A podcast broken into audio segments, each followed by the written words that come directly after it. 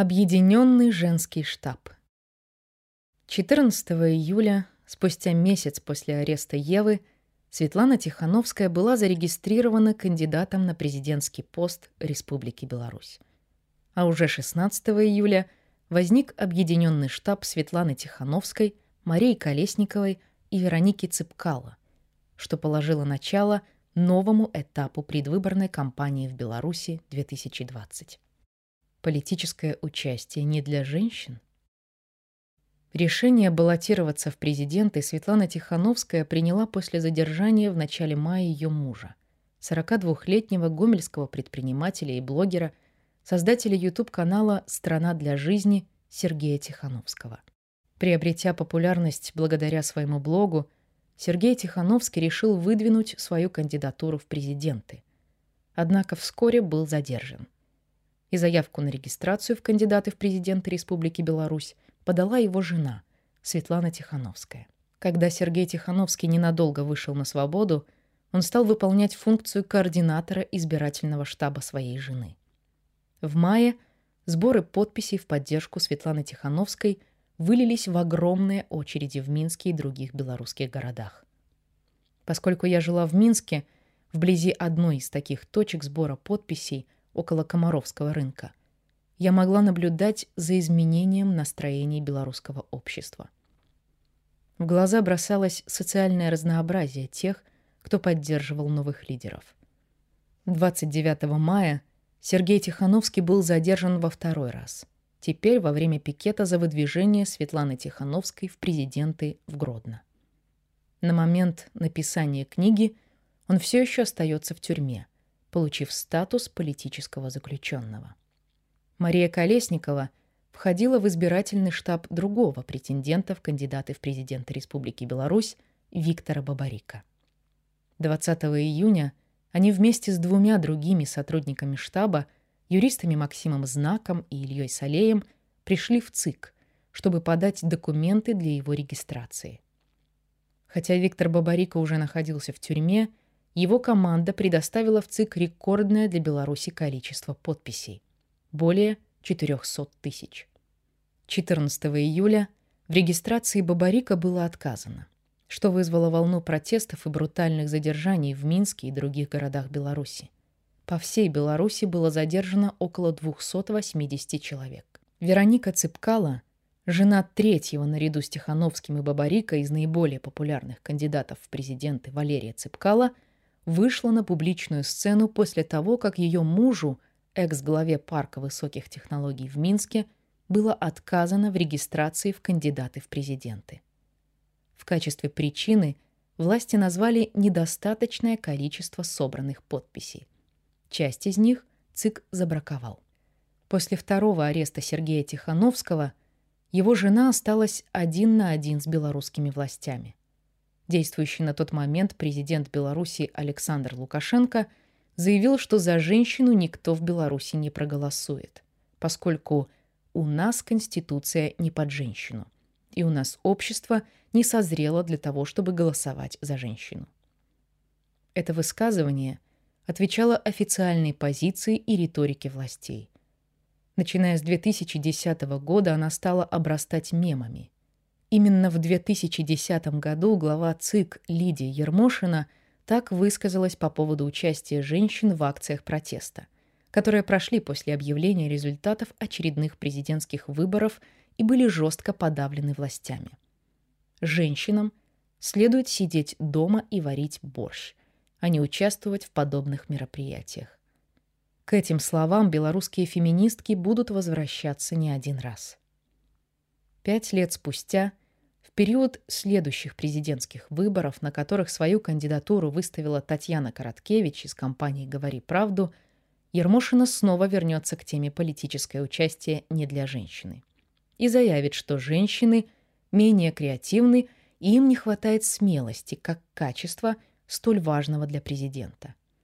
Также они, по ее мнению, более консервативны и не обладают той жесткой силой, которая необходима для принятия политических решений. Именно такого рода сила способна заставить вести за собой. Но она не свойственна славянским женщинам в целом. Интересно, что похожего рода оценки роли женщины в белорусской политике давали и оппозиционные политики. Объединенный женский штаб в Беларуси 2020 оказался симметричным ответом на эту риторику, обнаружив, что именно креативные, смелые, солидарные, открытые новому женщины-лидерки способны не только повести общество за собой, но и предложить ему новые стратегии борьбы, основанные на мягкой силе. Именно с объединения штабов под руководством трех женщин началось широкое мирное сопротивление, которое стало для белорусского общества точкой невозврата. Светлана Тихановская, Мария Колесникова и Вероника Цыпкала открыто парировали Лукашенко на первой пресс-конференции Объединенного штаба 17 июля. Конституция для женщин. Мы не второсортные. Мы наравне с мужчинами, и мы победим, заявила Вероника Цыпкала. Для этого, согласно стратегии штаба, следовало взаимодействовать горизонтально, посредством равного распределения ответственности между лидерками, а также с помощью рабочих групп. Такое горизонтальное взаимодействие рассматривалось также как способ вовлечения широких слоев общества, потому что, по словам Светланы Тихановской, защитить свои голоса и построить страну для жизни можно только совместными усилиями. Цели Объединенного женского штаба. Хотя Объединенный женский штаб призывал всех участвовать в выборах 9 августа и голосовать за Светлану Тихановскую, он формулировал и более долгосрочные цели. Проведение после победы Светланы Тихановской новых выборов с участием тех кандидатов, которые оказались в тюрьме. Такое решение обосновывалось нелегитимностью выборов, которые сопровождались арестами и запугиванием кандидатов.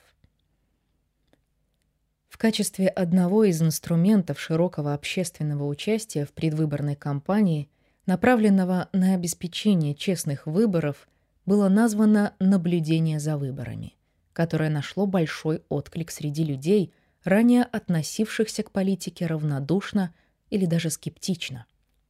В этой ситуации Светлана Тихановская рассматривала себя как переходного кандидата, главная цель которого — не предложить программу для будущего страны, а сыграть ключевую роль для защиты самого Института честных выборов. Свою мотивацию Светлана Тихановская объясняла любовью, однако не только к своему мужу, но и ко всем белорусам и к Беларуси. Она также упоминала, что уже были попытки ее сломить, разного рода угрозы, однако демонстрировала, что готова им сопротивляться. С угрозами в свой адрес столкнулась и Вероника Цыпкала, в результате чего ее муж вместе с детьми выехал за пределы Беларуси. За границей оказались через некоторое время и дети Светланы Тихановской.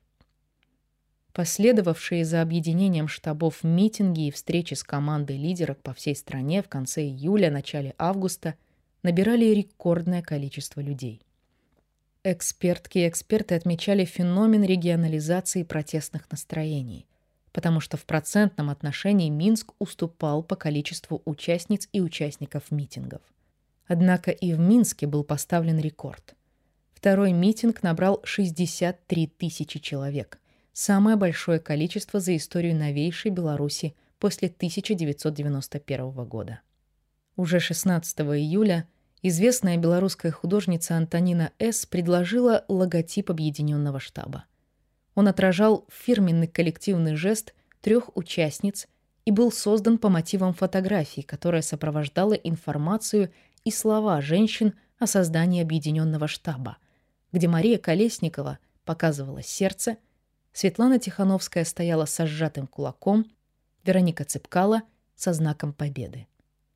17 июля Мария Колесникова обратилась к художнице с просьбой использовать этот рисунок как символ триумвирата, и она с радостью дала согласие. Столь быстрая, креативная и меткая реакция Антонины С., конечно, не была случайной. Она вновь подтвердила ярко выраженное креативно-артистическое измерение и предвыборной кампании, и протестов в Беларуси 2020, а также значимую роль, которую в нем играли женщины, в данном случае женщины-художницы. Именно с этого арт-высказывания Антонины С. начал формироваться архив протестного плаката культпротест.ми. Открытый для бесплатного использования в некоммерческих целях и собирающий арт-высказывания и очень известных и менее известных художниц и художников, дизайнерок и дизайнеров из Беларуси и не только. Что же позволило объединенному женскому штабу не просто поддержать ту тенденцию, которая обнаружила себя уже в мае и июне, выявив признаки широкой поддержки и Сергея Тихановского, и Виктора Бабарика, и Валерия Цыпкала, но и придать ей новый импульс. Сыграло ли свою роль то, что у объединенного штаба оказалось женское лицо? Во-первых, Объединенный штаб продолжил ту линию, которая возникла благодаря стратегии ведения предвыборной борьбы, намеченной Виктором Бабарико. Ставка в ней делалась на легальные механизмы проведения выборов и сам Институт честных выборов, которые во многом стали затем самоцелью предвыборной кампании. Все предыдущие годы скепсис по отношению к этим механизмам со стороны оппозиции – был обусловлен высокой степенью фальсификации выборов режимом Лукашенко и ощущением невозможности противостоять этому ни силами самой оппозиции, ни силами общества. Новые лидеры делали ставку на то, что широкое общественное участие, какого не было прежде, сможет предотвратить массовые фальсификации. Однако почувствовавшие себя активными граждане, до того не интересовавшиеся политикой – не могли оценить, насколько отлаженно работают созданные за два десятилетия механизмы фальсификации. И поэтому искренне верили как в собственные силы, так и в силу легальных механизмов. Именно правовые механизмы, и это во-вторых, позволяли подключаться к предвыборной кампании очень разным людям и социальным группам, а не только сторонницам и сторонникам традиционной оппозиции. Это было связано с тем, что оппозиция – разочарованная в легальных механизмах борьбы за 20 лет авторитаризма, противопоставляла фальсификациям только площу, как открытое противостояние.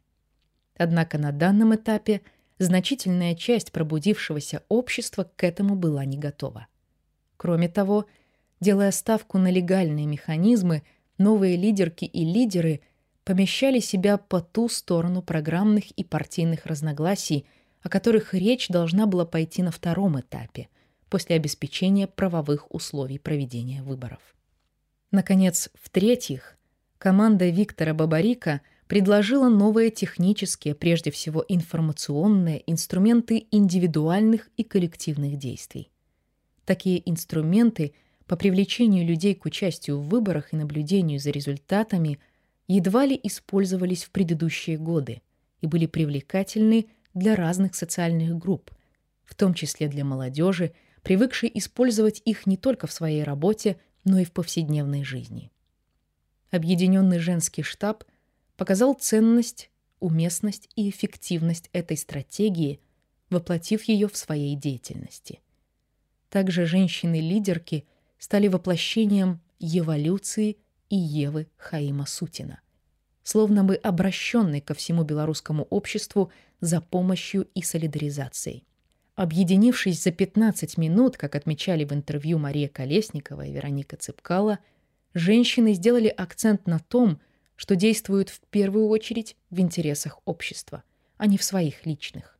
Призывают к участию, а не к бойкоту выборов или уличному протесту, как это делала традиционная оппозиция. Не представляют этот протест как протест каких-либо определенных групп. Наконец, объединившись сами, призывают к диалогу и объединению и всех остальных кандидаток и кандидатов в президенты. И хотя важным фактором объединения было отсутствие программ и позиционирование целей штаба как условий для обеспечения перевыборов, что, конечно же, упрощало солидаризацию, еще более важным был сам посыл широкого объединения и последующих совместных коллективных шагов, который и воодушевлял сторонниц и сторонников перемен.